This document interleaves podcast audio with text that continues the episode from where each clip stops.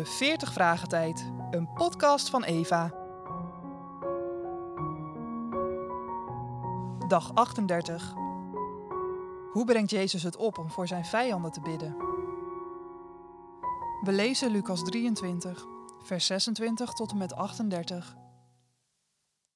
De soldaten brachten Jezus weg om hem te doden. Onderweg kwamen ze een man tegen. Die heette Simon van Cyrene. En hij kwam net de stad in. Simon moest van de soldaten het kruis van Jezus dragen en achter hem aanlopen. Een grote groep mensen liep achter Jezus aan. En er waren ook vrouwen bij die verdrietig waren en om Jezus huilden. Maar Jezus draaide zich naar hen om en zei: Vrouwen van Jeruzalem, huil niet om mij.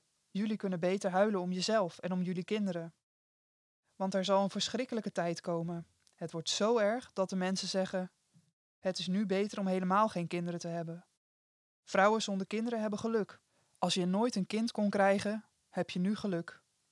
In die tijd zullen de mensen tegen de bergen roepen: Val toch op ons neer, en tegen de heuvels: Bedek ons toch. Nu is het nog vrede. En kijk wat er met mij gebeurt. Wat voor verschrikkelijke dingen zullen er dan met jullie gebeuren als het straks oorlog is? Tegelijk met Jezus werden ook twee misdadigers weggebracht om gedood te worden. Op een heuvel die Schedel heet, hingen de soldaten Jezus aan het kruis. Ook de misdadigers werden aan een kruis gehangen. Het kruis van Jezus stond tussen die twee andere kruisen in.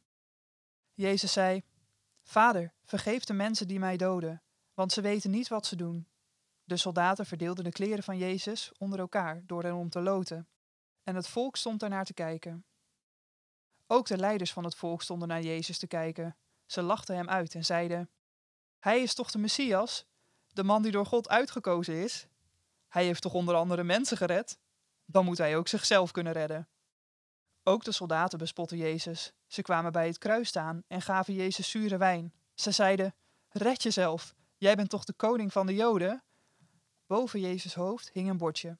Daarop stond: Dit is de koning van de Joden. Hoe brengt Jezus het op om voor zijn vijanden te bidden? Het antwoord. Voor zover bekend heeft Jezus aan het kruis zevenmaal gesproken. We noemen dat de zeven kruiswoorden van Jezus. Drie daarvan vinden we in Lucas. Al direct als Jezus aan het kruis geslagen wordt, zegt hij: Vader, vergeef het hun, want zij weten niet wat ze doen. Het is wel heel bijzonder dat Jezus es op dit verschrikkelijke uur kan opbrengen om voor zijn vijanden te bidden. Hij brengt hier in de praktijk wat hij ooit zijn volgelingen had opgedragen. Heb uw vijanden lief. Bid voor hen die u vervolgen. Maar Jezus' volgelingen zijn hun meester hierin nagevolgd. Als Stefanus gestenigd wordt, roept hij uit: Heer, reken hun deze zonde niet toe. Maar er is nog iets wat in Jezus' eerste kruiswoord opvalt. Hij geeft een motivatie voor zijn gebed, want zij weten niet wat zij doen. Deze toevoeging is heel belangrijk. De soldaten die Jezus kruisigden, waren ten volle verantwoordelijk voor wat zij deden. Maar de vraag is in hoeverre zij konden overzien wie zij hier kruisigden en wat de betekenis daarvan was. Dat gold niet alleen voor de Romeinse soldaten, maar ook voor het Joodse volk. Wij zouden denken dat de Joden die zich mede verantwoordelijk maakten voor Jezus' dood, toch wel degelijk wisten dat zij, wat zij deden. Maar als Petrus kort na de Pinksterdag het volk toespreekt, zegt hij: Nu weet ik, broeders, dat u het uit onwetendheid gedaan hebt, eveneens als uw leiders. En zelfs Paulus, die, toen hij nog een lasteraar, een vervolger en een verdrukker was, zegt: Mij is barmhartigheid bewezen, omdat ik het in onwetendheid gedaan heb. Al in de wet van Mozes wordt onderscheid gemaakt tussen zonde die onopzettelijk wordt gedaan en zondigen met opgeheven hand. Dat betekent dat men bewust zondigt, met een gebalde vuist naar de hemel. Voor de eerste zonde is vergeving, voor de tweede niet. Alleen God kent de harten van de mensen volkomen en kan beoordelen wie in ontwetendheid gezondigd heeft. Als zelfs Saulus, de voornaamste van alle zondaars, in ontwetendheid gezondigd heeft en daarom vergeving ontving, dan is er hoop voor miljoenen zondaren. Daarom is Jezus' voorbeden aan het kruis zo belangrijk, ook vandaag nog altijd.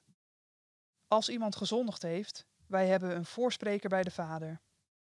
Jezus Christus, de rechtvaardige. En Hij is een verzoening voor onze zonde. En niet alleen voor de onze, maar ook voor de hele wereld.